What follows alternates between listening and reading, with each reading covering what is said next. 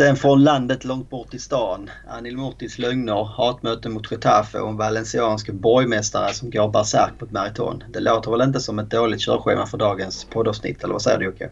Nej, det låter matnyttigt så det här är man redo att sätta tänderna i.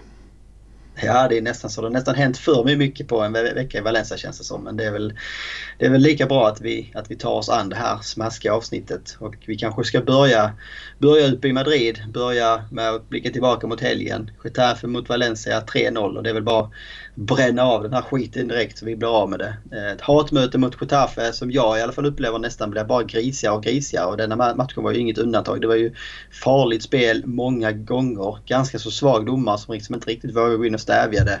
Och ett Valencia som då går rakt i fällan. Sen kan man väl säga att det, det var kanske inte det är inte på grund av det här som Valencia förlorar, inte på grund av Getafes grisande utan man förlorar ju mer för att man inte återigen var, var, var liksom med allt mentalt på något vis. Nej, vi var ju inne på det eh, när vi snackade upp matchen inför att det, skulle bli en grisig match med fult spel och, och, många kort och det, det, var ju ingen högoddsare på förhand. Att eh, det så fall skulle, skulle bli också. Men eh, det här var nästan bland det värre man har sett. Överfallen man såg på bland annat Daniel Wass. Där det bara blir ett inkast när man tänkte nu får Getafe-spelaren rött kort. Så nej, otroligt dålig insats utav laget i stort. Eh, har svårt liksom att, att hitta någon som man kan ge godkänt ens.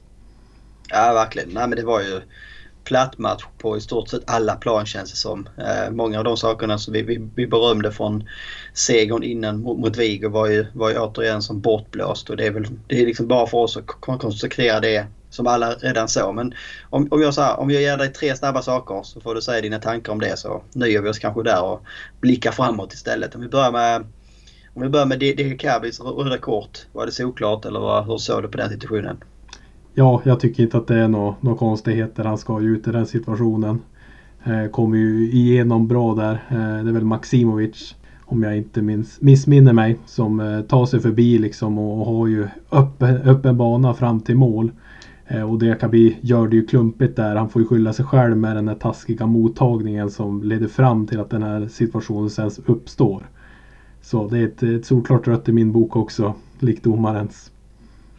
Ja, jag kan bara hålla med. Det var en riktig Diakabi-situation. Liksom de här klumpfötterna, liksom betongklumpen i skorna på något sätt när han ska dämpa den och sen så behöver han då, ska han då försöka, jag vet inte om, han, om det är ens ett försök att försöka rädda upp situationen och så gör man bara det det var. Det var, ett, det var en riktig sådär Diakabi-situation på något sätt kändes Ja men verkligen och det var ju lite komiskt där jag och Marcus pratade i förra avsnittet om vem som skulle få spela där, Diakaby eller Hugo Guillamon. Och jag var inne på att ja, men den här gången så kanske vi behöver någon som vågar kötta lite grann och någon som kan stångas upp i, luftrummet. Det kanske inte blir så jättemycket spel efter backen. Istället för att ha Hugo Guillamon som har, har en bättre teknik eh, med fötterna. Ja. Så här fick man ju äta upp det också rejält. Ja och sen så kunde det ju blivit ett, ett rött på Gabriel också. Han hade ju ett rött först ju. Men eh, egentligen får vi väl säga Ja, det är klart att det liksom blir, blir rätt till sist när VAR kommer in men det, det, är ju lite mer flyt. Alltså utan VAR så hade Gabriel varit utvisad för utan VAR så hade man ju inte tagit den här offsiden då i situationen innan på något vis. Nej, det är ju helt äh, rätt och riktigt så att där blir vi ju verkligen räddade utav VAR den här gången. Äh, men som sagt det ska ju ändå skyllas på Gabriels äh, agerande i den situationen också. Det ska ju inte heller få hända.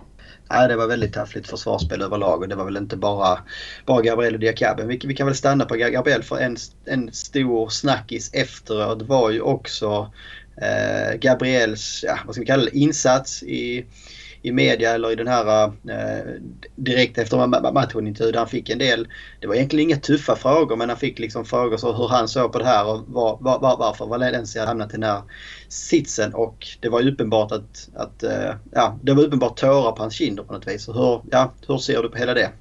Jag tycker att det är ju bra att man ser den typen av reaktion. Det betyder ju att det här verkligen betyder någonting för honom och att han verkligen bryr sig.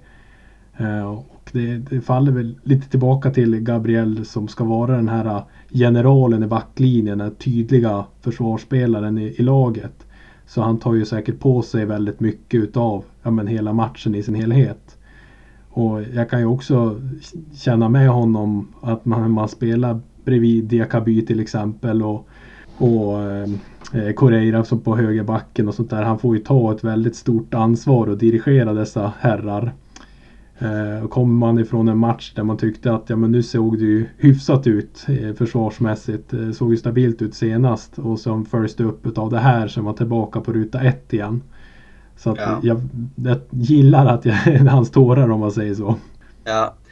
Jag hade, alltså först jag hade lite svårt, jag vet inte det kanske också var för att man var så jäkla upprörd och irriterad efter matchen. Men först så kändes jag det kanske också är för att man blivit så jävla cynisk med saker och ting. Det här, liksom, den här klubben, det här laget gör ju en ibland lite hjärtlös. Men först, först, först var det liksom så. Är det på riktigt eller är det bara så att det passar jäkligt bra att få liksom den typen av eh, snackis efter en riktigt platt, match igen? För Gabriel var ju liksom långt ifrån en av de bättre innan. Så man blir, jag blir lite, lite så här också. Ja men det är alltså, jag håller med att det är liksom så jättebra med känslor, inga problem med det. Det behöver liksom inte vara några robotar och det behöver liksom inte vara att man, man ska stå och säga något, som man inte menar efteråt. Men samtidigt så tycker jag ibland liksom att det är för mycket sånt, sånt här i media efter och inför matcher för lite som man visar ute på planen. Eh, sen vet jag inte om, eh, om det liksom går, om man ska dra, om man ska, om man ska vara så hård mot Gabriel i det här fallet. Men eh, jag ty tycker liksom också, hade Gabriel liksom gjort en super inställningsmatch eller man ska säga. Eh, och liksom känt efter att en total tomhet liksom att han hade tömt sig själv. Eh, samtidigt så ska man väl också ha, ha respekten för att det är liksom, det är det, det, det är en tuff miljö att jobba i nu. Eh, att, att vara spelare i Valencia och allting som händer omkring klubben. Det, det är klart det är inte optimalt och kanske ännu mer då för de här spelarna som ändå var, var, var med under eh, den här lilla korta, korta tiden av framgång som man fick under Marcelino och sen ser hur väldigt snabbt det har gått. Ja, jag köper din take på det hela. Eh, sen tror jag att det är ett undantagsfall här också för Gabriel för han går ju inte ut och, och grinar efter varje förlust i, i media. Utan han brukar ju vara en, en ganska hård typ har man ju sett honom ja. som. Så att jag tror att det här är absolut äkta från, från hans sida. Ja, låt oss hoppas det. Eh, om vi går över då till eh, sista punkten här. Vad, vad, vad tänker du om Javi Gracias insats och hans engagemang kanske främst? Ja, vart ska jag börja? Vart ska jag börja? Vilket engagemang! ja, nej men det är ju otroligt pinsamt att se eh, hur han bara sitter där på sin bänk och bara tittar ut i tomhet. Alltså det finns ingen glöd, ingen gnista, ingenting som tyder på att han vill vara här. Han vill träna det här laget och gör det bästa av situationen. Det finns ingenting som tyder på det längre. Ehm, det tyckte även eh, när vi fick in den här andra tränaren som jag tappade namnet på nu. Nu senast. Ja precis, ja, jag vet vad du ja. menar. Jag kommer heller ja. inte på vad han heter. Nej, det var ja. dåligt av oss där. När, men... när var avstängd ja. Precis. Och, och, då fick man ju se lite engagemang, lite känslor. Lite jävlar anamma kändes det som. Och nu är vi tillbaka med Javi Gracias tomma blick ut i tomma intet. Och när de gör 1-0, 2-0, 3-0, alltså det är som att det bara rinner av honom. Det är ju inte så att man ser att ja, men nu gör vi någon förändring, någon taktisk lösning på, på problemet som uppstår Nej. i matchen. Eller något peptalk eller någonting. Utan han är, han är bara tom. Nej, det finns liksom alltså, kolla på byten han gör. Jag vet att ni pratar om det i podden också med en del statistik och framförallt omkring Manu Viejo som kanske då är vår hetaste spelare nu. Han får noll minuter. Eh, vad, vad, liksom, vad, vad, vad, säger det? Kolla, det här liksom, man bara kollar på statistiken inför och ser liksom så Getafe kommer till den här matchen med sämst, sämst, sämst form i hela ligan. Man hade sex raka utan seger. Man hade nästan 600 minuter utan att ha gjort mål. Mot Valencia gör man 3-0. Valencia hade inte ett avslut på mål om, om den statistiken stämmer. Man hade i alla fall inte det till den 87 minuten. Eh, så det är ju liksom... Det är ju så mycket som ändå måste falla tillbaka på Xavi Gracia också. Alltså, Eh, säga vad man vill, spelarna ska ha sin, sin, sin, sin skopa av det här. Men ledarskapet och engagemanget som finns liksom utifrån. Alltså det, det, det blir inte enklare för spelarna att, att tagga till och massa så, när man ser en sån sån trött tränare. Alltså det, är, det är väl det som är den allmänna känslan. Liksom, att det är så otroligt sorgligt, sorgligt trött tränare, sorgligt trött lag och sorgligt trött ledning. Det är ju ja, deprimerande på något vis. Ja, men det, han är ju som motpolen mot Marcelino. Eh, för jag tror inte Javi Gracia är ju inte den tränaren som man känner att ja, men, allting är skit eh, med ägaren, med eh, allt som händer kring klubben, med Anel Murtis uttalanden. Men vi kan i alla fall gå ihop som en grupp och göra det här tillsammans med tränaren. Så kan ingjuta lite grann att ja, men vi gör det här för oss själva. Oss spelartruppen och ledningen. Vilket man såg ja. otroligt mycket under Marcelino. Det var ju Exakt. samma ägare, samma skit runt omkring men de knöt ju näven i fickan och bara körde. Hade sitt egna race. Det var ju som två ja. olika bolag kan man säga med, det, med den sportsliga truppen och ledningen där och allting så här som skedde ovanför dem. Här, här finns det ju liksom ingenting att ta på för spelarna. Nej. Jag förstår ju att de känner sig helt utdränerade på, både energi och inte tycker att det är roligt att kliva upp på morgonen och åka till träningarna och åka iväg på de här matcherna. För de vet att det kommer inte gå med den här tränaren heller om man inte ser någon tillstymmelse av engagemang från hans sida. Nej, nej men det är intressant eh, reflektion för jag tror, alltså, precis som du är inne på, Marcelino och den gruppen tog ju allt det här stökiga runt omkring och använde det som bränsle liksom, snarare än en, en offerkofta. Eh, och det är väl det, det är liksom, så är den stora spelaren man liksom så ingen tror på oss. Allting liksom i klubben i Valencia, allting pekar åt helvete. Det är skitenkelt för oss att hitta ursäkter varje dag för att inte liksom eh, ge 100% eller varje match. Att vinner varje, varje match. Vi, vi, vi, kan hitta hur mycket liksom externa ursäkter som helst. Eller så skiter vi det. Eller så visar vi det liksom bara alla andra hur bra, hur bra vi, vi kan vara i den här gruppen. Uh, och sen gör vi bara precis allting vi kan och så skiter vi i allting annat. Men det är ju den här gruppen och den här ledningen gör ju, gör ju precis tvärtom. Precis som du är inne på vad, vad förra förra sportsliga eh, ledningen gjorde på något vis. Och sen får man ju såklart väga in att vi har ju en försvagad trupp i år. Eh, som gör att vi kommer såklart inte ta lika många poäng. Men när man talar rent inställningsmässigt och spelarna. Där ska man i alla fall kunna kräva den här biten utav ja, ja. Exakt. Så att jag ja, köper ju liksom att ifall vi inte skulle komma ja, men, på övre halvan med den här truppen. Kommer vi 12 eller 11 eller dylikt. Men att vi kanske i alla fall har haft en bra inställning och ett bra engagemang ja. i truppen och ja, men gett, gett allt vi kan. Ja men då känner man ju sig nöjd ändå ju. För man förstår ju liksom att den där karusellen som pågår 24 timmar om dygnet runt spelartruppen och vad som händer med klubben och det prinsar hit och dit. Jag förstår ju att spelarna blir ju less. Men man måste... Ja, nej, men det, alltså, Ja, nej precis. Precis som du är inne på. Alltså, det är ingen, är ju ingen utanför Valencia som hade krävt att vi ska hamna på samma placering som i fjol eller samma poäng som för två år sedan. Utan det enda alla kräver är att man vill liksom se att man gör, man gör det man är ditsatt för. Man ger Exakt. 100% för, för, för liksom sitt jobb och sin uppgift på något sätt. Och man låter allt annat som man inte kan påverka, nej det, det får vi bara låta, lå, låta vara. Jag, liksom så, gör vad du ska, kolla dig själv i spegeln. Du hade liksom så, vi hade kunnat förlora mot Getafe man hade kanske känt ändå. Nej, det finns inte så mycket att säga. Visst, vi kanske hade önskat mer men det går, inte, det går liksom inte att klaga på något för att alla, alla, alla, alla gav allt. Det fanns ett engagemang på planen, det fanns ett engagemang vid sidan av. Men det gick inte ändå. Så är det ibland med den här truppen. Alltså det, det behöver vi lära oss att acceptera i år, precis som du är inne på. Vi har en trupp så att det kommer, även om vi har 100% engagemang så kommer det inte räcka till eh, några liksom 60-70 poäng ändå. Eh, men det här engagemanget ska ju lätt kunna räcka till 50 poäng kanske i alla fall. Eh, utan problem för att så dålig trupp har vi liksom inte att man ska behöva vara, vara liksom inblandad i en, i, i, i en strid om överlevnad. Nej, nej och truppen och ledningen ska ju vara jävligt glada att det inte är publik på läktarna just nu. Ja, ja verkligen. Men vi släpper väl den. Eh, det är väl inte mycket mer att säga. Det är väl bara att försöka eh, glömma och gå vidare och kolla på nästa match. Eh, det har hänt en hel del annat sen sist. Vi ska väl försöka beta av en del, en del av de större sakerna i alla fall. Jag tänkte innan vi går in på, på det vi skrev så tänkte jag bara det, det kan komma ut en nyhet i veckan också här vilket lite grann hänger ihop med, med det, det som vi Pratar precis som om Javi Gracia och Anil Murti som sportchef och allt vad det är. Liksom. Det är nu kan vi konstatera att Marcelino är ju framgångsrik ny tränare i, i Athletic Bilbao. Eh, det är väl liksom ingen, han har ju fått bra, bra styr på det. Man är kanske då på väg mot en kopparfinal. Man spelar i semifinal här ikväll mot Levante. Eh, vann Superkoppan och har liksom fått, ja, men fått till en rejäl svängning på, på, på, på Bilbao. Eh, vi har en Matteo Alemani som är på väg att bli ny sportchef i Barca om då Laporte vinner, vinner valet där.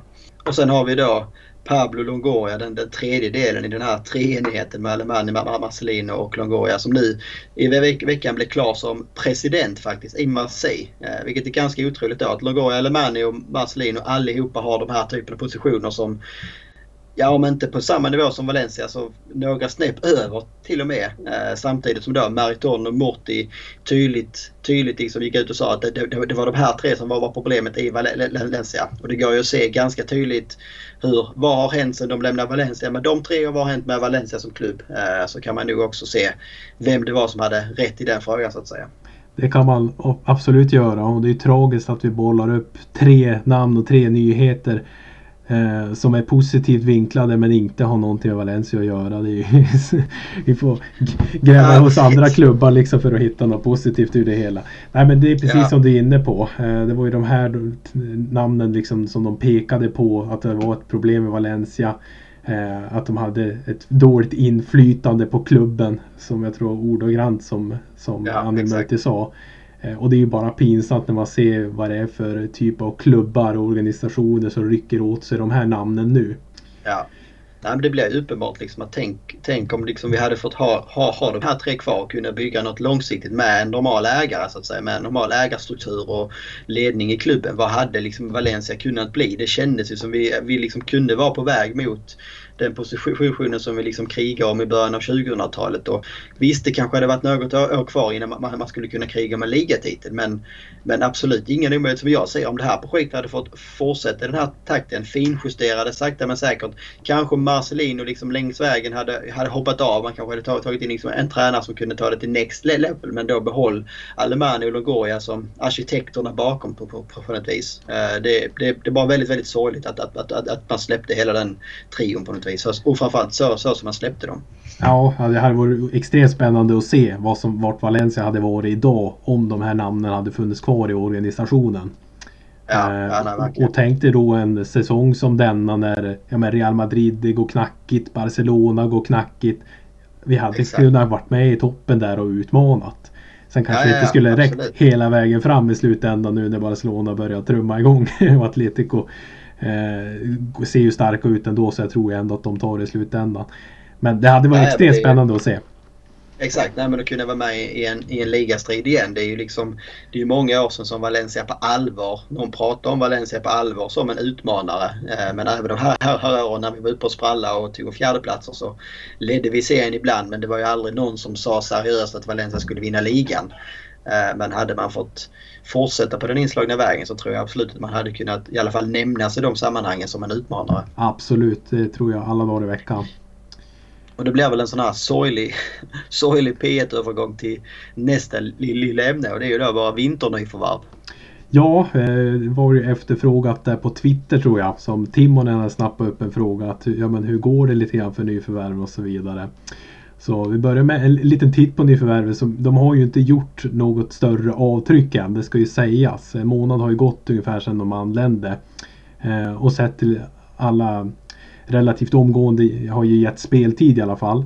Och truppplatserna så är de i matchform så att de finns ju alltid ja. med vecka ut och vecka in men de får ju inte speciellt många minuter. Eh, men om vi ska bena av dem en och en så Cutroner om vi börjar där. Eh, fick ju hela 25 minuter i sitt inhopp mot Athletic Club. Eh, och efter ett ytterligare eh, två korta inhopp då. Och lyckas få till ett avslut då för 41 spelade minuter. Så att det ser ju rätt blekt ut. sen har vi ju Oliva då. Centrala mittfälten har ju två inhopp. Totalt där 36 minuter. Och till sist då Ferro fick ju spela hela matchen mot Real Madrid. och det var väl ingen bra. Eh, och det fanns ju bara också Mangala att tillgå så det var väl anledningen varför han överhuvudtaget fick spela den matchen skulle jag tro. Eh, ja. Och var, varför, varför de har fått så lite minuter det går ju absolut att spekulera i. Vems värvningar är det här egentligen? Vad tror du där? Ja precis, men vi började surra om det innan vi satte på mikrofonen. Liksom att, eh, vi har ju haft en, liksom, vi har haft en Javi Gracia som har ju eh, liksom väldigt tydligt eh, talat högt om att han var besviken på att han inte fått någon ny nyförvärv under hela liksom, hösten. Att sommaren blev som den blev. Han blev av med massa spelare och ingen kom in. Eh, och sen så kom ju då tre spelare in under vinterfönstret och då om man, så här, om man då skulle tänka sig att okay, det här är ju Gracias gubbar då. Det här, nu har han ju fått som han vill. Liksom, nu, nu får han så. Då tycker man ju att han också borde ge, gett dem mer minuter. Eh, så då börjar man bli så här, men är det här liksom mer bara Morty och Lims sätt att på något sätt tysta någon slags kritikerkör som liksom bara gnäller att det inte kommer in spelare. Nu, nu, nu får du spela i alla fall. Eh, var nöjd nu liksom. Spela de, de, de nu. Men är, är, det inga spelare som Gracia själv ens har varit med och, och, och, och scoutat det minsta. Ja, det skulle, skulle vara en jäkligt bra förklaring till att man liksom sa du fick in din anfallare, du fick in i centrala fältare och du fick in en mittback men Gracia som tränare ser ju inte att de är bättre än någon annan i truppen. Det är ju nästan liksom så det har ju spelare som inte spelat innan som nära på att gå före. Det, det är väl bara Mangala som man kanske har gått före i kön på något sätt. Ja, det är otroligt märkligt också på sättet som de kommer in på. Om vi börjar med Cutrone som kommer in på ett sex månaders lån. Det finns ingen framtid för honom i Valencia. Han kommer inte spela i, hos oss nästa säsong. Det, det kan man säga med 99% säkerhet. Det finns ju inga klausuler ja. eller dylikt i kontraktet heller. Tar man in nej. en spelare, en anfallare på ett sex månaders lån. Ja men då vill man väl ha åt en snabb effekt. Man vill ju kunna Exakt, använda ja, den här spelaren direkt. Han är i matchform, han är spelsugen. Ja men spela honom då för guds skull om man ändå tagit in ja. honom på ett sex månaders lån. Så allting är ju så emotsägelsefullt. Man har väl inte tagit in honom för att han ska göra ett korta inhopp liksom och vara med och träna med laget. Eller vad, vad är det frågan om? Det är jättemärkligt. Nej men det är det är ju som vi sa om innan också, alltså Valencia är ju en sits i år också där man bara har ligan att tänka på nu. Men då dessutom ute och koppa så att, att bredda truppen. Ja, det finns ju inte mycket behov för det. Alltså det, det är mer bredda i så fall för att kunna täcka upp i skador och så. Men jag har svårt att säga att de här tre kom in för att Alltså vi, vi, spelar en match i, ve i veckan. Du behöver inte ha särskilt bred trupp för det. Då, då tänker man väl säga att tar man in tre spelare i vinterfönstret då är det spelare som man tänker ska, ska bidra. Inte Exakt. bara de här som, som du säger 10-15 minuter där, 10-15 minuter där. Eh, utan, och det, alltså, kollar man på kontrollen till exempel. Han såg ju så här, vi snackade om det, att det såg liksom lite Bambi-aktigt ut och det var väldigt, väldigt ringrostigt mot, mot Atletic Club de Bilbao. Men han fick ju ändå ett längre inhopp då. Då, då blev det ändå så. Ja men det här är nog en spelare som Gracia tror på. Får ju ändå 25 minuter i en match där man ligger under eller det var kryss och man jagar mål. Eh, men sen efter det har alltså det varit så här, väldigt, väldigt, det var så fem minuter där och nio minuter där typ. Ja, men det är ju inte en ärlig chans för honom. Nej exakt, nej precis. Men också just anfallspositionen. Ja men vi har ju Maxi, han är ju given och självklar. Så är det bara. Ja. Och sen så har du ju Vallejo, Gamero och så även Kangin Lira som spelar där uppe. Men vad var anledningen att ta in en breddspelare när vi ändå har de namnen där uppe? Och som du säger, vi har bara ligaspelet att tänka på. Så om inte han är tilltänkt ja, det... att spela mer, varför överhuvudtaget tog vi in honom? Exakt. Nej, och då, ännu mer märkligt så har nästan sen Cutrone kom in så har ju nära på Garcia alltså ändrat spelsystemet typ för att få in Kangin oh. eh, så om, om, om nu det var i tankarna så behöver du inte plocka in en fallare. Om, om, om du tänker att du egentligen bara ska spela med en ren anfallare och mer ha den här Eh, ja, det blir nästan liksom en släpande anfallare i Kangin-rollen. Då är Cotrone helt fel spelartyp. Då i så fall skulle du jaga liksom en Rodrigo-typ av anfallare som, som kan spela både så som striker längst upp kanske men också kan, kan ta steget ner och vara avlasta kan, kan, Kangin ibland. Men Cotrone är ju Ja men Cotrone är ju mer, mer en Sobrino-typ. Alltså så. Springer och kämpar och, och sen förhoppningsvis har man mer kvalitet än så, så, Sobrino men det känns liksom som Ja vi tappar Sobrino men då det är ju liksom ingenting vi behöver ersätta med, med en likadan Sobrin som kanske är 10% bättre. Men ja, jag vet inte. Märkligt. Alltså väldigt så svårt, och, svårt att liksom få, få, få ett grepp om vad tankarna varit och hur det, ja, hur, hur, hur kommer det se ut framåt på något vis. Ja, det svårt, svårt att gnida den spåkulan hur det kommer se ut. Men som vi kan ju sammanfatta, Cutrone, den spelartypen, fanns ju redan i laget.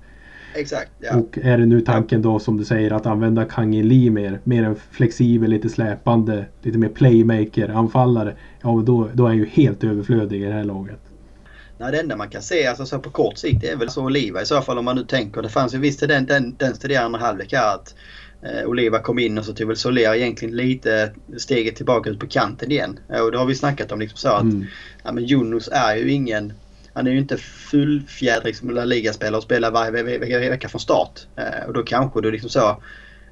Carlos Soler har haft svårt att ta det där lilla steget spelmässigt som innermittfältare. Han har gjort supermånga poäng. Eh, så han har liksom haft en lyckad säsong så men han är ju inte en Parejo. Eh, du kanske hellre liksom får, får, får, får släppa det så vi spelar med Oliva och, och Rakic där inne och mer liksom ha spelet på andra ställen eller om man ska säga det eh, och ha liksom en, en Soler som vi vet är väldigt bra på hö, högeryttern eh, och som levererar och är jämnare där ute på, på, på något vis än vad då eh, Jonas gör till, till exempel. Och, eh, ja, så jag vet inte. Det, det, är väl han jag ser liksom främst skulle kunna få mer speltid. Färre har ju det. Det känns liksom uppenbart där bak att både Gabriel Diakabi och eh, eh, Hugo går, går före Farro så det är ju liksom fjärdefiolen han spelar där. Ja, eh, men om vi börjar där med Oliva så hade det ju varit väldigt spännande att se eh, han tillsammans med Rasic. Eh, just för att få lite mer defensiv stabilitet centralt i banan så hade man ju gillat att se det och sen är Solé ute på kanten. Just gällande Ferro så är jag helt, helt enig med dig där. Alltså att han tycks ju inte heller ha liksom någon vidare plats i den här truppen och känns ju en del överflödig. Visst, vi har ju skadeproblem med Mangala som går sönder titt som tätt. Även Diakabi och Hugo Giamon verkar vara lite skadeförföljda så det är väl ändå en klok, billig lösning att ta in honom för att bredda truppen. Absolut. Så de, ja, de två värvningarna, Oliva Ferro, då köper jag mer än Cutrone. ja, Nej, men jag håller med. Alltså, mittbackspositionen var det jäkligt tunt även om vi liksom hade fyra mittbackar så blev det uppenbart att nej, men Mangala håller inte. Eh, så ja, ja, vi kommer aldrig bli av med honom så vi får väl ha honom. Så han verkar ju vara liksom en bra träningsperson ändå på något sätt. Eh, och vi har en Gabriel och Diakabi framförallt som vi vet har skador och det är avstängningar och, och all, all, all, allt vad det är. Så att vi, att vi breddar upp och förstärker där kan jag, jag hålla med. Det är liksom en vettig värvning på något sätt. Och inom ja det beror ju liksom på. Eh, vi hade ju, eh, vi startade ju året med, med ett inomhutfältspar. Soler, ja, är han inomhutfältare eller inte inomhutfältare? Det är också liksom en, en fråga. Är Vass inomhutfältare eller inte inomhutfältare? Det, är liksom, det känns som vi har haft många så här lösningar på inomhutposition som mer bara för att prova spelare på, på något vis. Uh, så att, att vi får in någon mer ren, renare inomhutfältare tycker jag också är bra. För att truppen saknar det egentligen på något vis. Glömmer du fina fina Esquerdo här alltså känner jag ju. Ja precis, Nej, det var han. Som fick han, starta här nu i början, exakt, början av säsongen. Startar ju, precis, han startar ju nästan varje match och sen dess. Alltså, senaste månaderna har han väl knappt fått göra ett inhopp. Jag vet inte ens om han är med på bänken längre. Vilket också är li, li, lite så hyfsat ung spelare. Han imponerar väl inte i början men ska man förvänta sig, alltså klart man förväntar sig mer kanske. Ja. Men jag tycker också det är lite så upp och starta, nej det gick inte så bra. Nej nu är du, nu är du helt ute i kylan liksom. Uh, det känns märkligt behandling av honom på något vis. Ja framförallt också när han får de här startmöjligheterna i början på säsongen och sen blir lite passerad till bänken. Sen skriver man ett långt nytt kontrakt med honom och sen är han helt ute i kylan. ja. så ja. ja, märklig resa för Squaredos del. Eh, en ja. grej som vi egentligen borde kollat upp som bara slår mig just nu här när du nämnde det att Soler har ju en bra poängsäsong. Att han gör många poäng hur många av dem har kommit i öppna spelet? Det är väl mest från straffpunkten och hörner som har slagit när han fått sina assist där. Ja, det tror jag. Alltså, jag skulle nästan alltså på sådär utan att ha någon aning alls säga 80-90% är ju liksom från dödboll. Alltså frispark, straff eller hörna. De... Jag, jag, kan inte komma ihåg att han gjort något öppet mål själv. De kan han lika gärna göra som högerytter. Är liksom Exakt, min tanke ja, i den biten. Så att in med Oliva, spela honom tillsammans med Rasic. Flytta ut Soler på kanten där så att vi får lite mer stabilitet på ytterpositionerna. Ja, Nej, men det är väl om det var tänkt att Soler skulle ersätta Parejo så har han gjort det på ett sätt och det är ju genom sin, fot. Alltså vi har, vi har inte saknat Eh, på, på fasta situationer har vi inte saknat Parejo kanske så mycket. Utan där har ändå Soler gjort ett, gjort ett helt okej okay, i alla fall. Med bra hörnor, med liksom säkerheten själv från straffpunkter fram till att han då brände sist såklart. Men, eh, men, men, men, men, spelmässigt så har han liksom inte blivit den där Parejo-innerfältaren som, som vi kanske hade behövt göra på något vis. Nej, och sen skulle jag väl säga också de här offensiva frisparkarna. Så när det är en målchans på en frispark, där saknar man ja. också Mr Parejo. Vi hade väl, eh, var det väl Gaia som var framme och drog någon frispark och uh, Kangin drog någon över. det är ingen som... Nej, ingen... Javi Gracia har inte hade löst det där ni gubbar. De bryr sig ja. inte längre. Nej, Vaska på kraft ibland och allt vad det är. Så ja. det, är spännande. det är alltid spännande att se när Valencia får en frispark vad som ska hända nu. Ja, och ingen aning vem som kommer skjuta. Nej. Kan vi lämna de här nyförvärven och prata om kanske ett, ett annat potentiellt nyförvärv så får vi säga. Eh, vi kan ju liksom inte... De flesta som lyssnar på det här eh, är det kanske ingen bomb att, eh, att det har pratats mycket prins omkring Valencia-kretsar. Eh, och vi tänkte väl att vi ska försöka bena ut vad det är liksom som har hänt. För att det här dök ju verkligen upp som en, som en blixt från klar himmel. Från liksom ingenting. Börja på... Jag kanske ska börja så här. Börja backa bandet lite grann så var det ju som vi pratat om innan. Eh, Peter Lim kallar hem Anil till Singapore. Uh, och i måndags kom han då tillbaka till Valencia. Iklädd skjorta, täckväst och kavaj. Märklig utstyrsel men det, det behöver vi inte prata mer, mer, mer om. Och det har liksom varit väldigt så här hysch och spekulationer om, om vad handlar egentligen det här mötet med Lim om i Singapore. Var det liksom bara så, eh, Anil, Anil själv sa att det var av, av personliga skäl att han mer passade på att träffa Lim eh, samtidigt som han då kunde och se mellan raderna att nej men så är det nog inte riktigt. Det är mycket liksom som brinner i Valencia nu så att han kallas hem dit. Eh, det har varit ganska naturligt på, på något sätt. Sen var det väl i eh, var måndags kväll va? Som det liksom började börjar, börjar sprida sig. Jag vet inte vem det var som följer liksom Malaysias delstat Johors prins på Instagram. Eh, men i, i, i, i alla fall så började han skicka ut en jäkla massa rö då. Det började med bilder på eh, ja, det var väl någon så här revisionsfirmas alltså värdering på olika klubbar. Det var bilder från Valencias historia, spelartrupp, ranking och så vidare. Och en stor sån här eh, emoji som liksom så ställer sig frågande på något sätt. Jag avslutar då med texten eh, June, another level. Och sen så slänger han upp liksom en fläskig paella-panna och den valencianska flaggan och texten Soon. Uh, och då börjar jag så vad, vad fan är det här som händer? Och liksom så, många satt uppe hela natten och jagade information. En del av de här eh, Instagram-bilderna tog, togs ju ner också. Eh, vilket då blev ännu mer så spekulativt. Ja, fan har han tagit ner den nu? Har han sagt för mycket för tidigt? Eh, och det började första var ju så att men Lim, Lim har sålt, sålt klubben. Nu, har han liksom, nu är denna prinsen är den nya ägaren. Och alla försökte liksom förstå vad det var vad, vad, vad, vad som hänt. Men liksom innan vi, vi, vi går in på våra egna teorier och vad liksom som mer kommit fram de senaste dagarna så kan vi väl då börja med att presentera den här prinsen och mannen. Jag ska börja med att ta, ja, det kommer nog ta en 10-12 sekunder bara, bara säga hans namn. Tunuk Ismail Idris Abdul Majid Abu Bakar Iskander Ibni kronprinsen av Johor i Malaysia. Eh, och vi kommer väl bara kalla honom prinsen här va. Det blir kanske enklast, enklast för, för oss alla.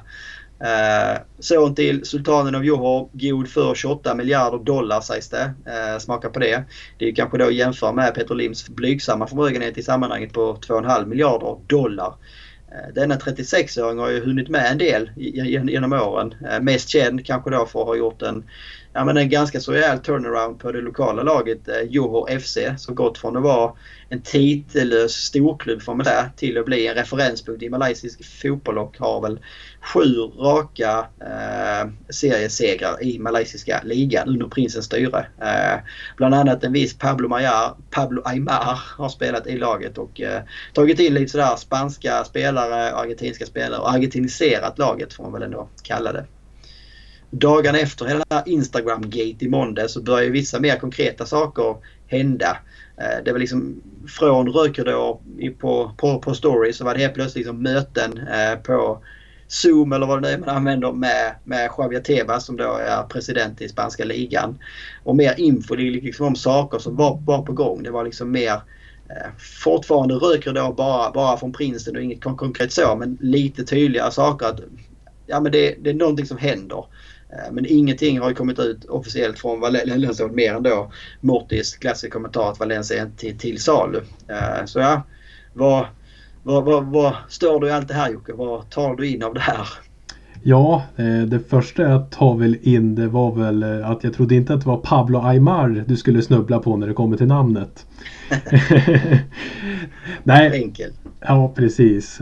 Nej, men det är väl otroligt spännande att det händer någonting i alla fall. Eh, sen är det så svårt att dra någon form av slutsats. Hur stort mandat kommer han ha egentligen ifall han skulle komma in den här prinsen?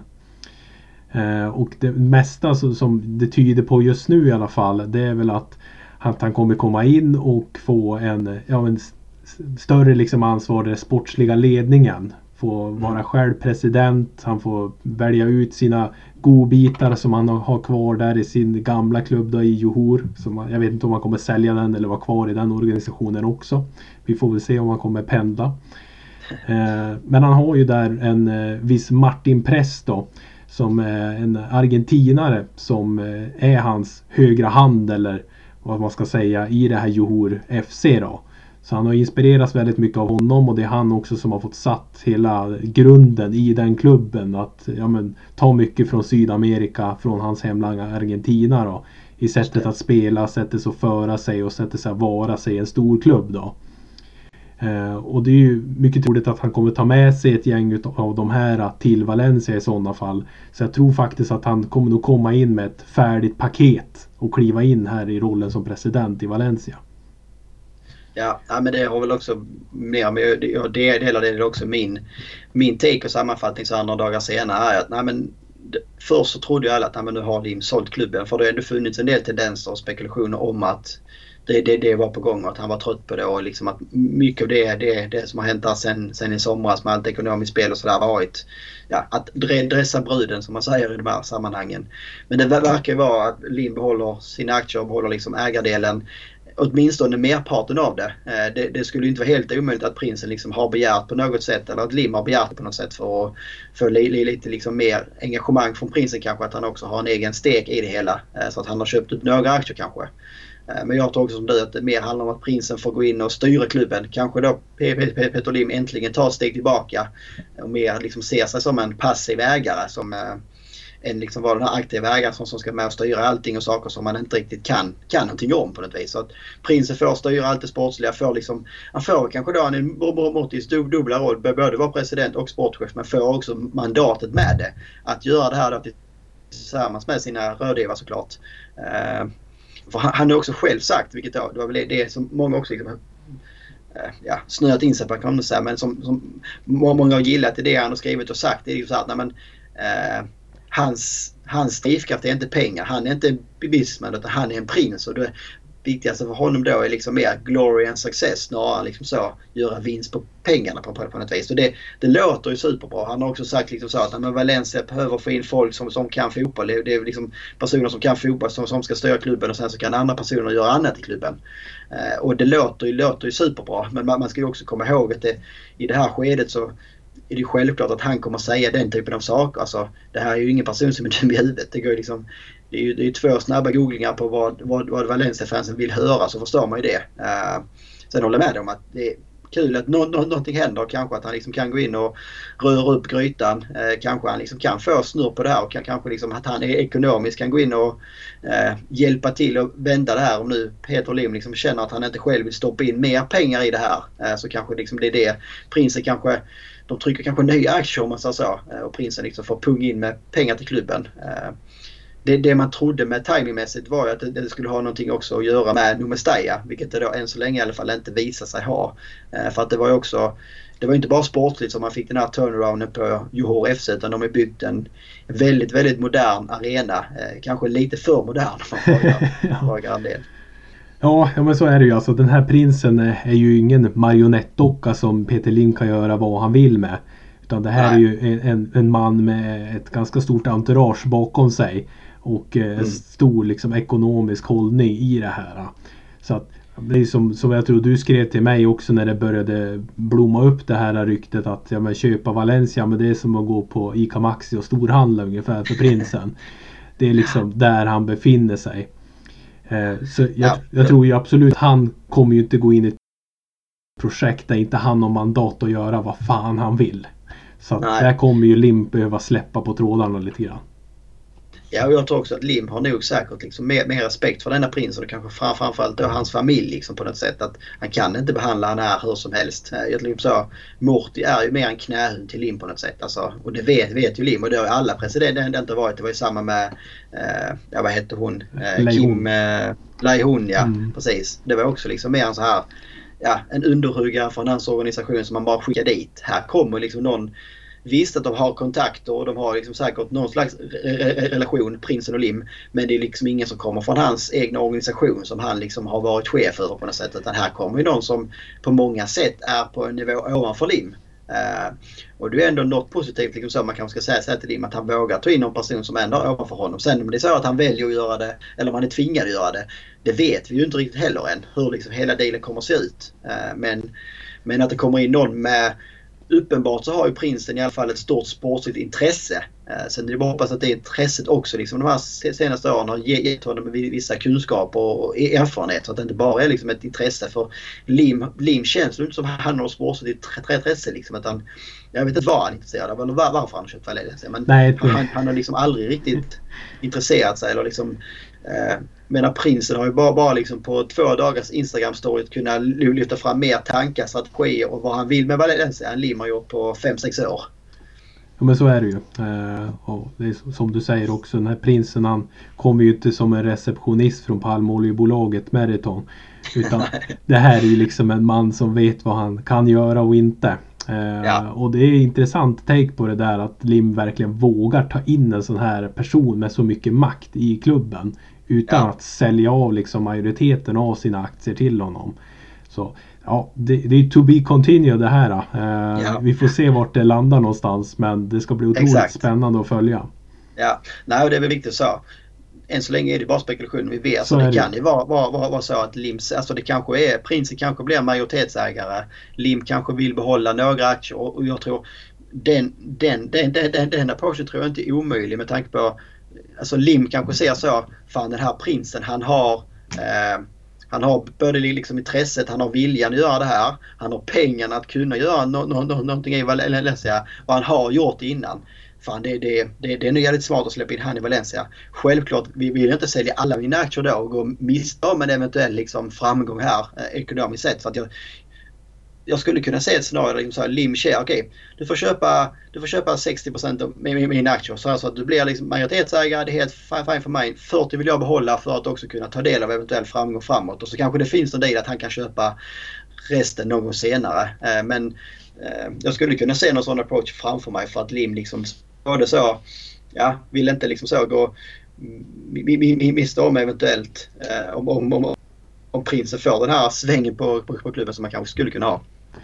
Ja, det är en mycket intressant eh, hållning till det hela. Det är absolut ingen omöjlighet. Eh, för jag tror också att det, han har så mycket, mycket med sig den här prinsen. Han har så jävla mycket pengar också så att Ja. Ja, det är också svårt att se just att han skulle bara få en liten roll i det här. Utan han kommer ju få, nej, nej, antingen som du säger att han köper majoriteten av aktierna, han styr, och klubb, styr klubben helt och hållet eh, som han vill. Medan Lim då kanske får hova in lite cash då om det går väldigt bra för oss.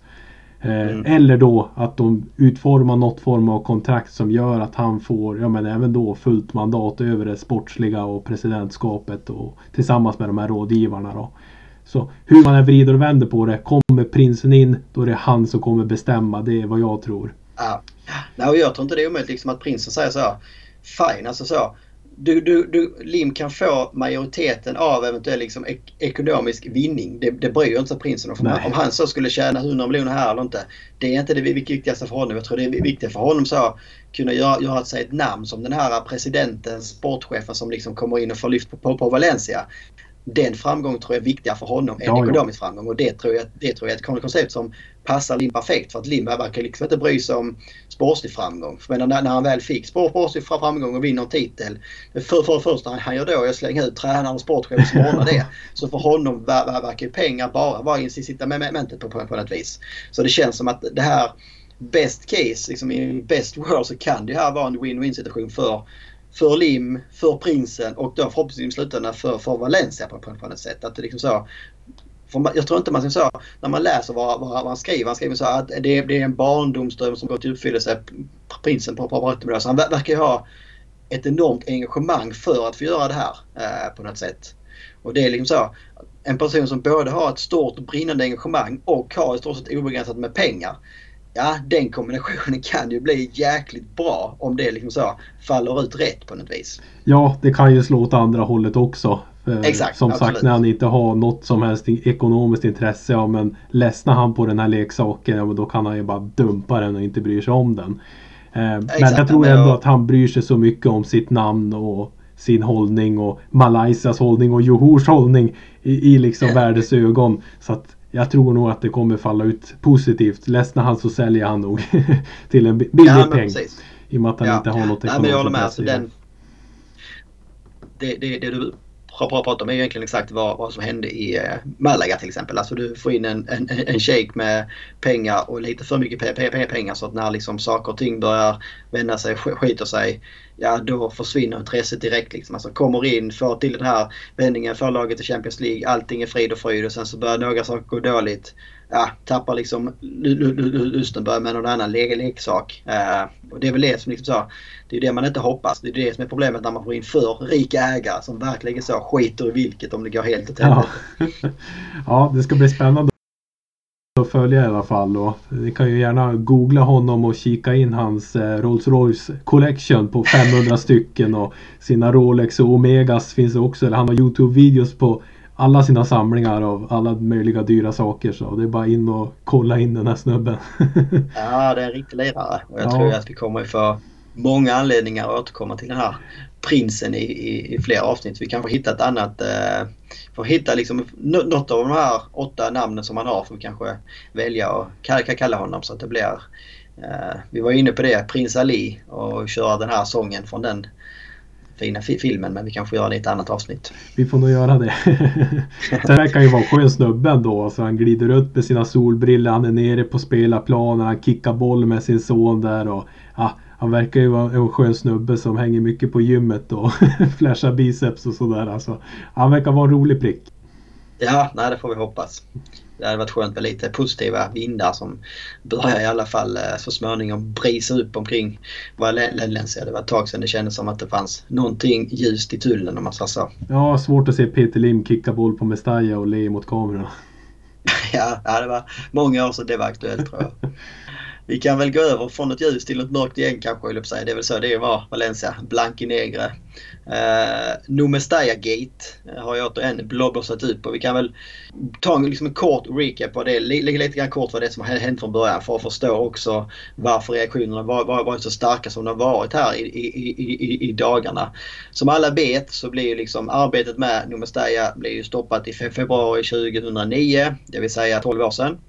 Eh, på grund av att Valencia helt enkelt inte hade pengar att fortsätta. Eh, 12 år senare har ingenting hänt med arbetet och då har vi haft eh, Manu har varit president, Amadeo Salva president ett tag, Leon Chan och nu Anil Momorti. Så det har ju varit fem olika presidenter de här 12 åren.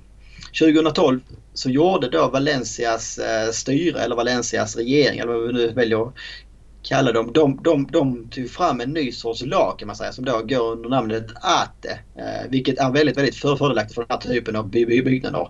Och det är liksom så, det här var ju stort sett liksom den här lagen eller vad man ska kalla den, den här liksom, eh, dealen. Den var ju i stort sett skräddarsydd för Valencia CF för att liksom hjälpa dem i de här ekonomiska bekymren. Man hade då med den här för arenorna är också viktig för staden. Klubben är också viktig för staden. Och det är också viktigt att komma ihåg historien liksom, att Valencias politiker har ju traditionellt sett varit väldigt, väldigt snälla mot Valencia CF. Alltså väldigt eh, givmilda. Många av dem har ju också varit liksom Valencia-fans själva och liksom väldigt mycket förstått hur viktig klubben är för staden och vice versa såklart.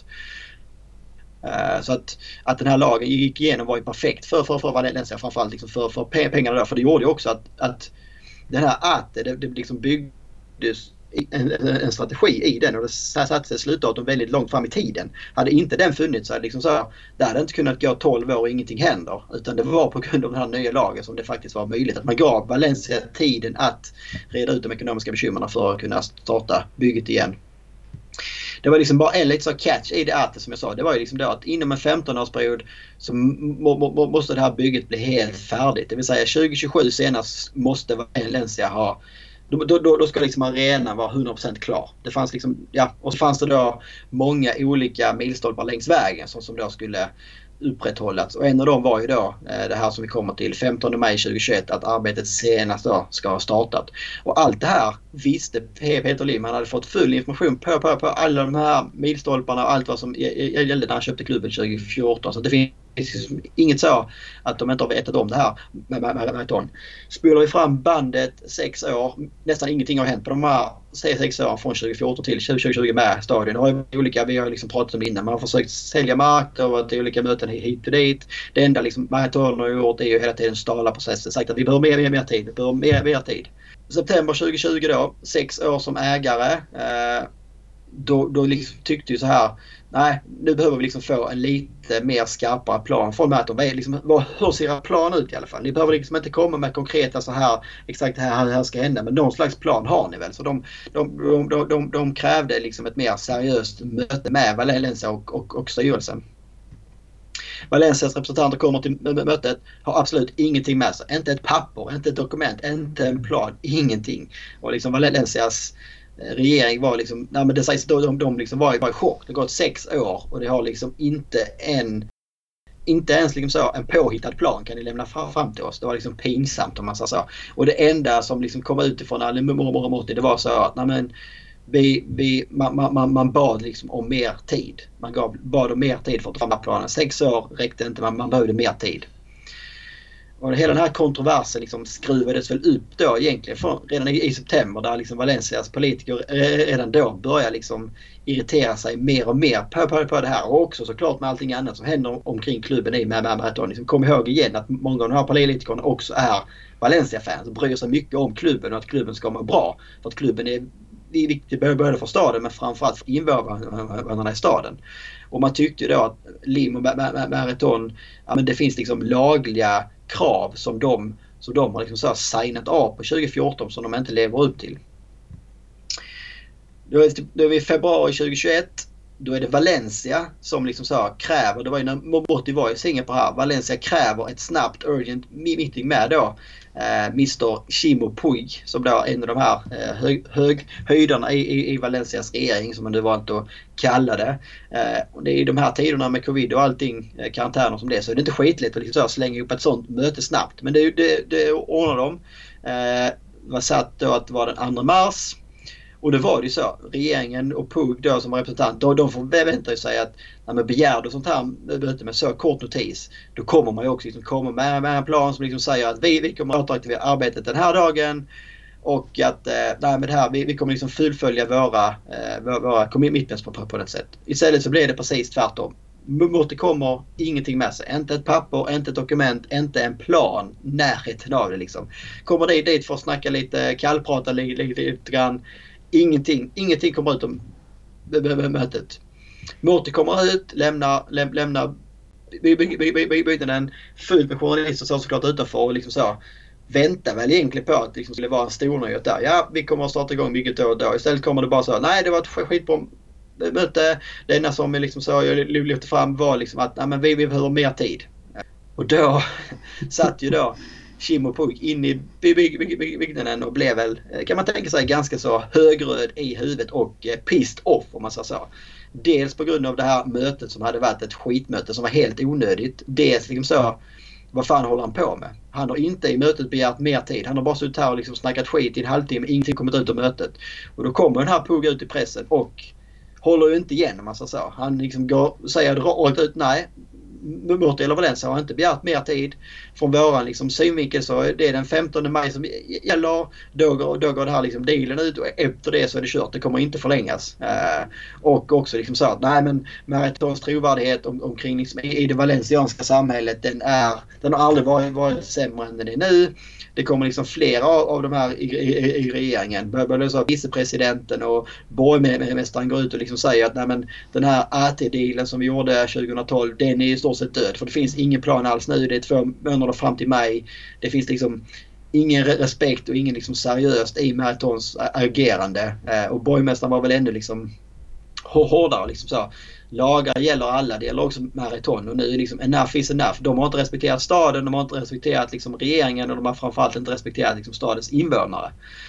Det var väldigt, väldigt hårda ord för att komma från den här typen av politiker ska man ha med, med, med, med, med sig.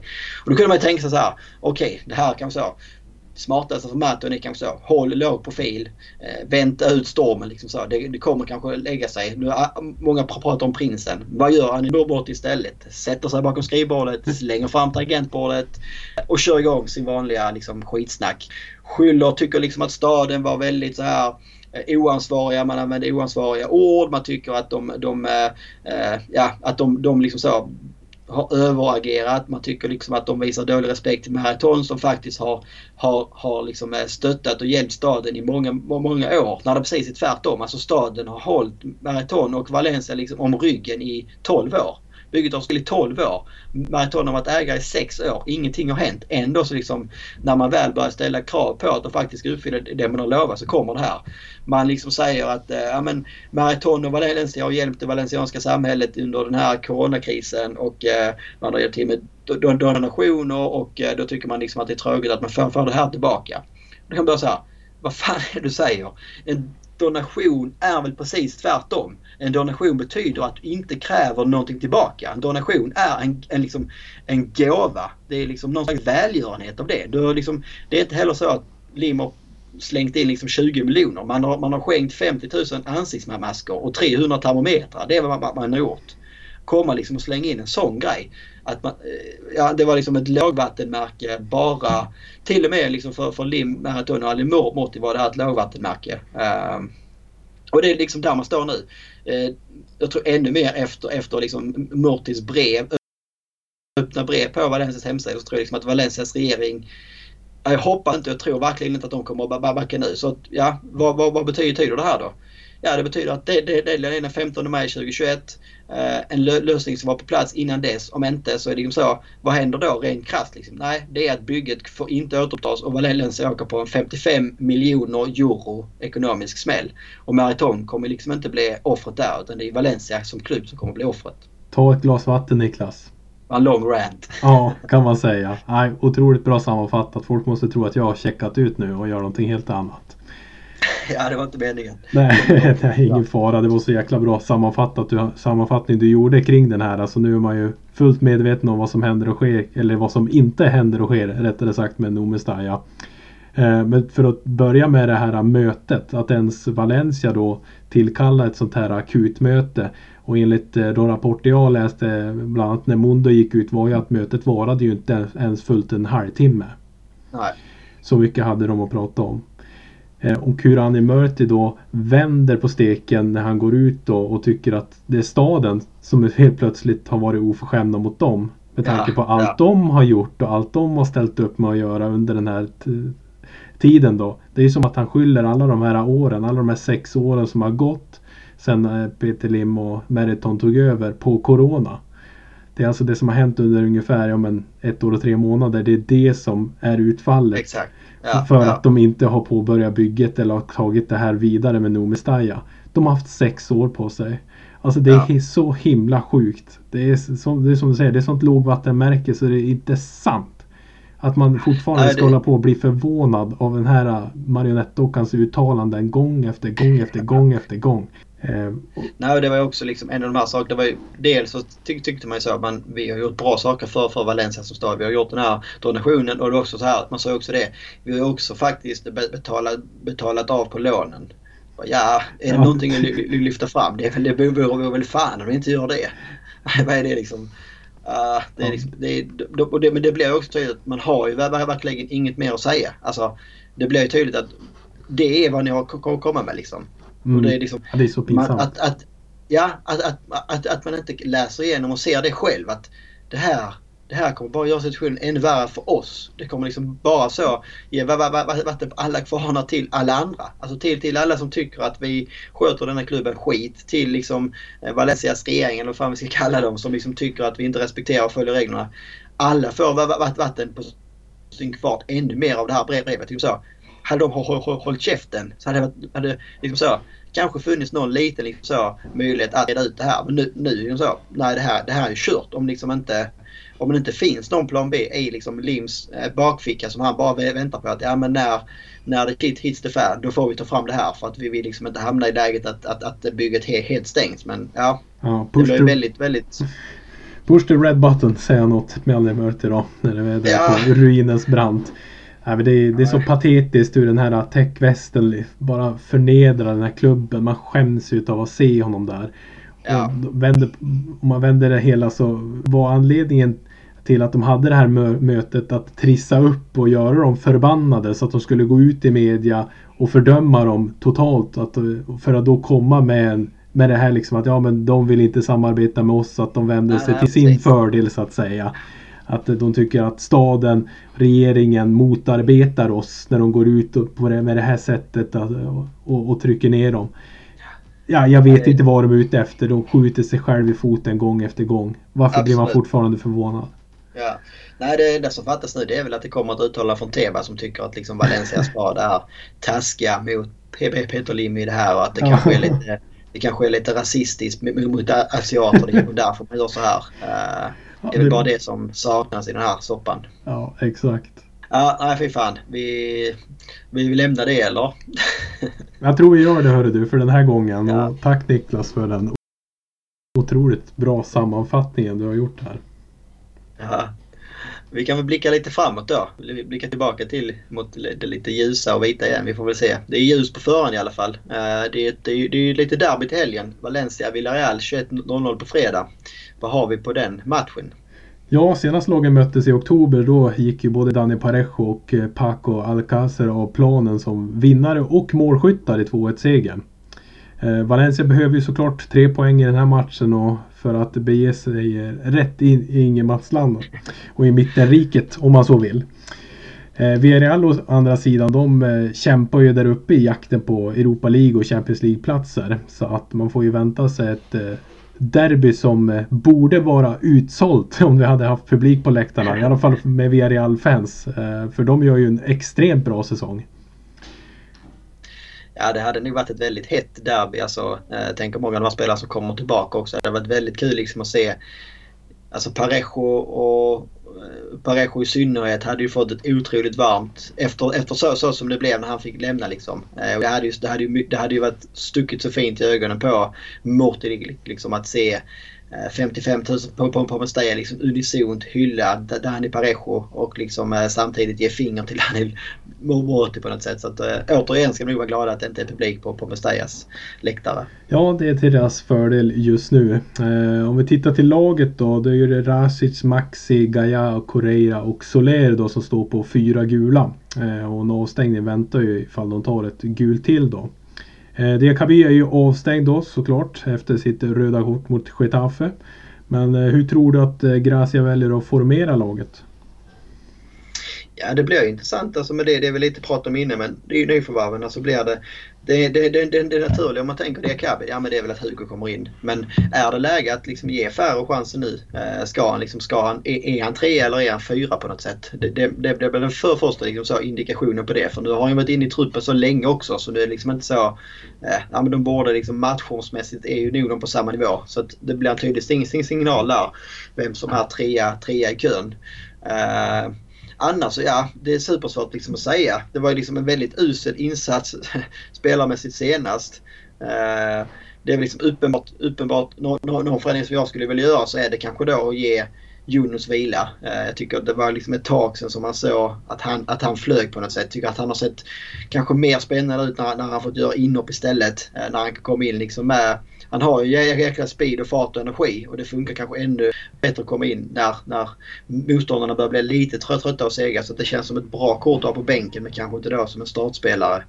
Eh, sen så blir det väl, ja, Vass startar ju lite till höger senast. Eh, hur ska man liksom göra med, med, med kanterna på något sätt för att eh, ja, försvinner Mumusa ut. Eh, Guedes har ju varit iskall och fick ju inte ens ett inhopp senast heller. Alex Blanco fick inte heller hoppa in senast. Så vem, vem är liksom på kön in på, på kanterna? Det känns som vi har inga kantspelare längre. Från att ha varit ett överflöd på kantspelare så har vi liksom ingen, ingen som ens är sådär ljummen och spelar på kanten. Utan det, är, det går ner och liksom känna efter vem är minst djupfrys och slänga in på, på, på kanterna på sätt. Är det kanske en Vallejo som, som kan, kan han lösa en kantroll? Jag vet inte. Uh, han, har ju, han har ju spelat eh, på kanten tidigare. I alla fall i Cadiz så spelade han ju mycket ytter.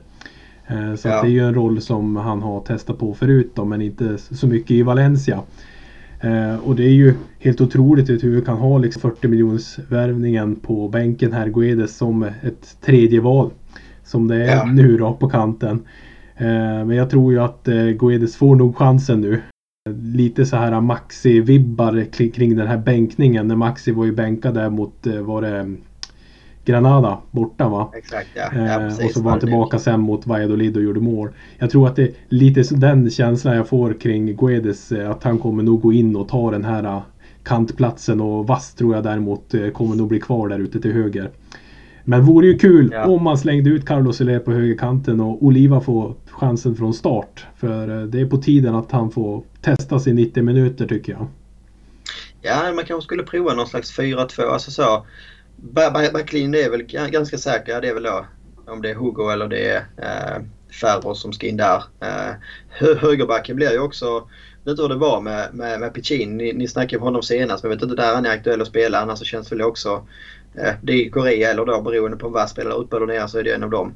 Men om man skulle säga Rakic och, och Oliva som lite mer defensiva innermittfältare. Sen har då framför sig, ja men säg Kangin, Soler och eh, Guedes kanske. Eh, och sen då Maxi som spets längst fram på något vis.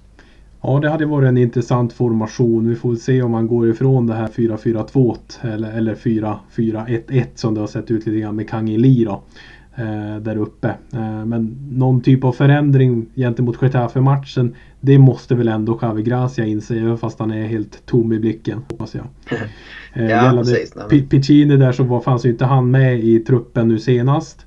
Eh, osäker hur det ser ut nu om han kommit in i den här matchformen som man har tjatat eh, om i flera månader nu känns det som sedan han kom tillbaka. Eh, men annars är ju det en, en man som jag tror att kommer kunna göra en bra injektion när han väl kommer igång. Eh, ja. Sen målvaktssituationen, nu har ju Jasper Sillesen fått två matcher i ryggen här och jag tycker inte att man kan skylla direkt honom för något mål mot Getafe. Utan eh, jag tror att han får ju nog chansen här att, att fortsätta spela från start. Ja det tror jag med. Det var liksom inga... Det kändes som att liksom en, en Sillesen i superform han har ju det här, jag tänker det är framförallt två målen som är lite, det är det här som går mellan benen på honom. Sen är det där långskottet som kommer ju också från blixtförklaring men det är ett bra långskott. Men jag tror att Sillesen i, i, i liksom riktigt bra form hade nog haft en chans att kunna ta, ta dem för. Sen är det långt ifrån tabbar liksom. Eh, det är ja, ju, det är ju inte så att man lastar honom för målen. Säga. Nej, men nej. visst, absolut jag håller med dig. Sillesen i toppform hade ju kunnat vara där i alla fall och tagit en utav dem kanske. Eh, ja. Men det är svårt att lasta honom för det. Ja, nej så är det ju. Nej, men jag tycker det är in, in, intressant ifrån den här matchen också är ju att se på de här eh, fem spelarna som du pratar om som står på fyra gula kort. För att kolla liksom också spelschemat framåt så är det ju efter Villarreal så är det Levante, Granada och Cadiz och framförallt kanske då eh, eh, Cadiz och ja, till viss del väl eh, Levante kanske även om de, de är fem poäng före för, för, för nu men framförallt liksom Cadiz-matchen.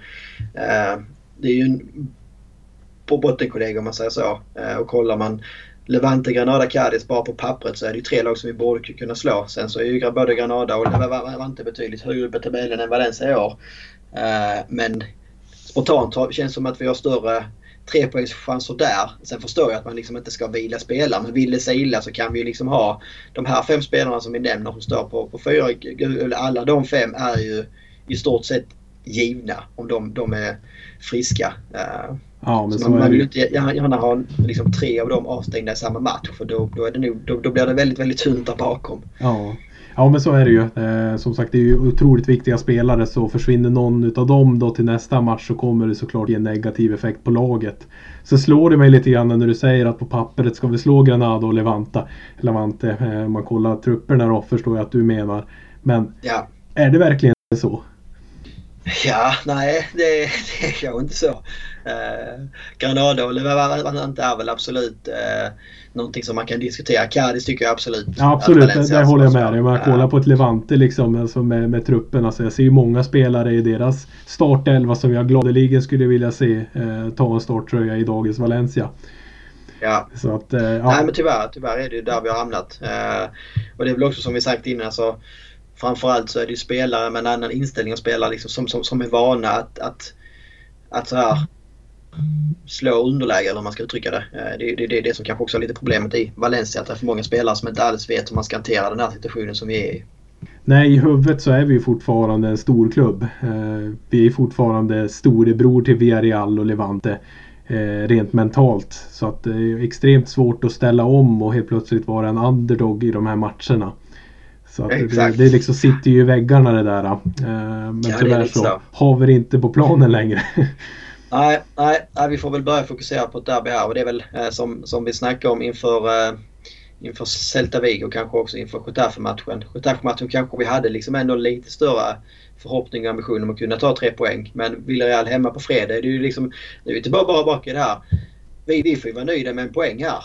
Eh, det är liksom så, ja, alltså tre poäng är en superbonus och en jätteglädje. Vilket känns liksom helt sjukt egentligen att behöva säga. Eh, men, men, så är det. Alltså en poäng ska vi vara supernöjda med mot ett Villarreal som slås i toppen. Och med den formen som vi visar.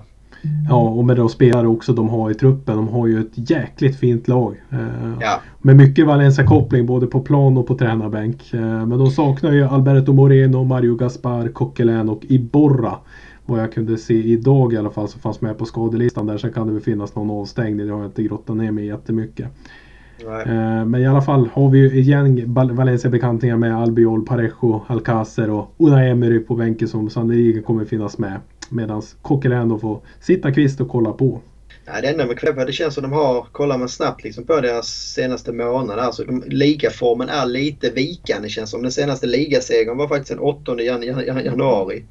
Eh, sen har man mycket kryss. Man har kryssat mot Granada, kryssat mot Huesca, kryssat mot eh, Sociedad, kryssat mot Elche, förlorat mot Betis, kryssat mot Bilbao och förlorar ju nu senast mot Atletico. Så att mycket kryss har det varit eh, sen början av januari så att eh, det kanske liksom inte är helt, eh, helt oävet att slänga in en 20 på 1-1 på fredag. Nej, sen har ju de varit ute och vevat i Europa ska sägas och gått ja, väldigt starkt där ute. Så att ja. jag tror, tror ju att de satsar ju extremt mycket också på just Europa League för där har de ju en möjlighet att gå väldigt långt. Eh, med den här upplagan av laget. Så då har väl ligaspelet blivit lite lidande och då kan man väl ändå se det som ett styrkebesked att man fortfarande ligger där uppe trots Europaspelet. Ja, nej, jag håller med.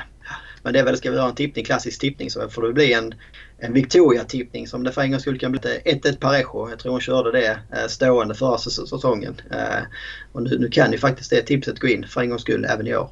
Ja, jag skulle vara oerhört nöjd med 1-1 Parejo.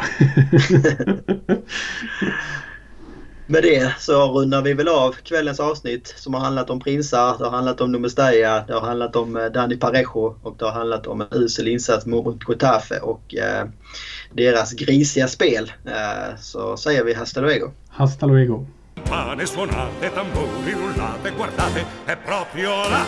Grande Ali, principe Ali, Ali Ababua.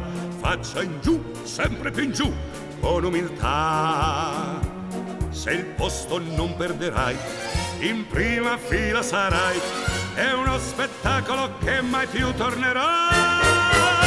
Grande Ali, eccolo lì, Ali Ababua, muscoloso, meraviglioso, vale per tre.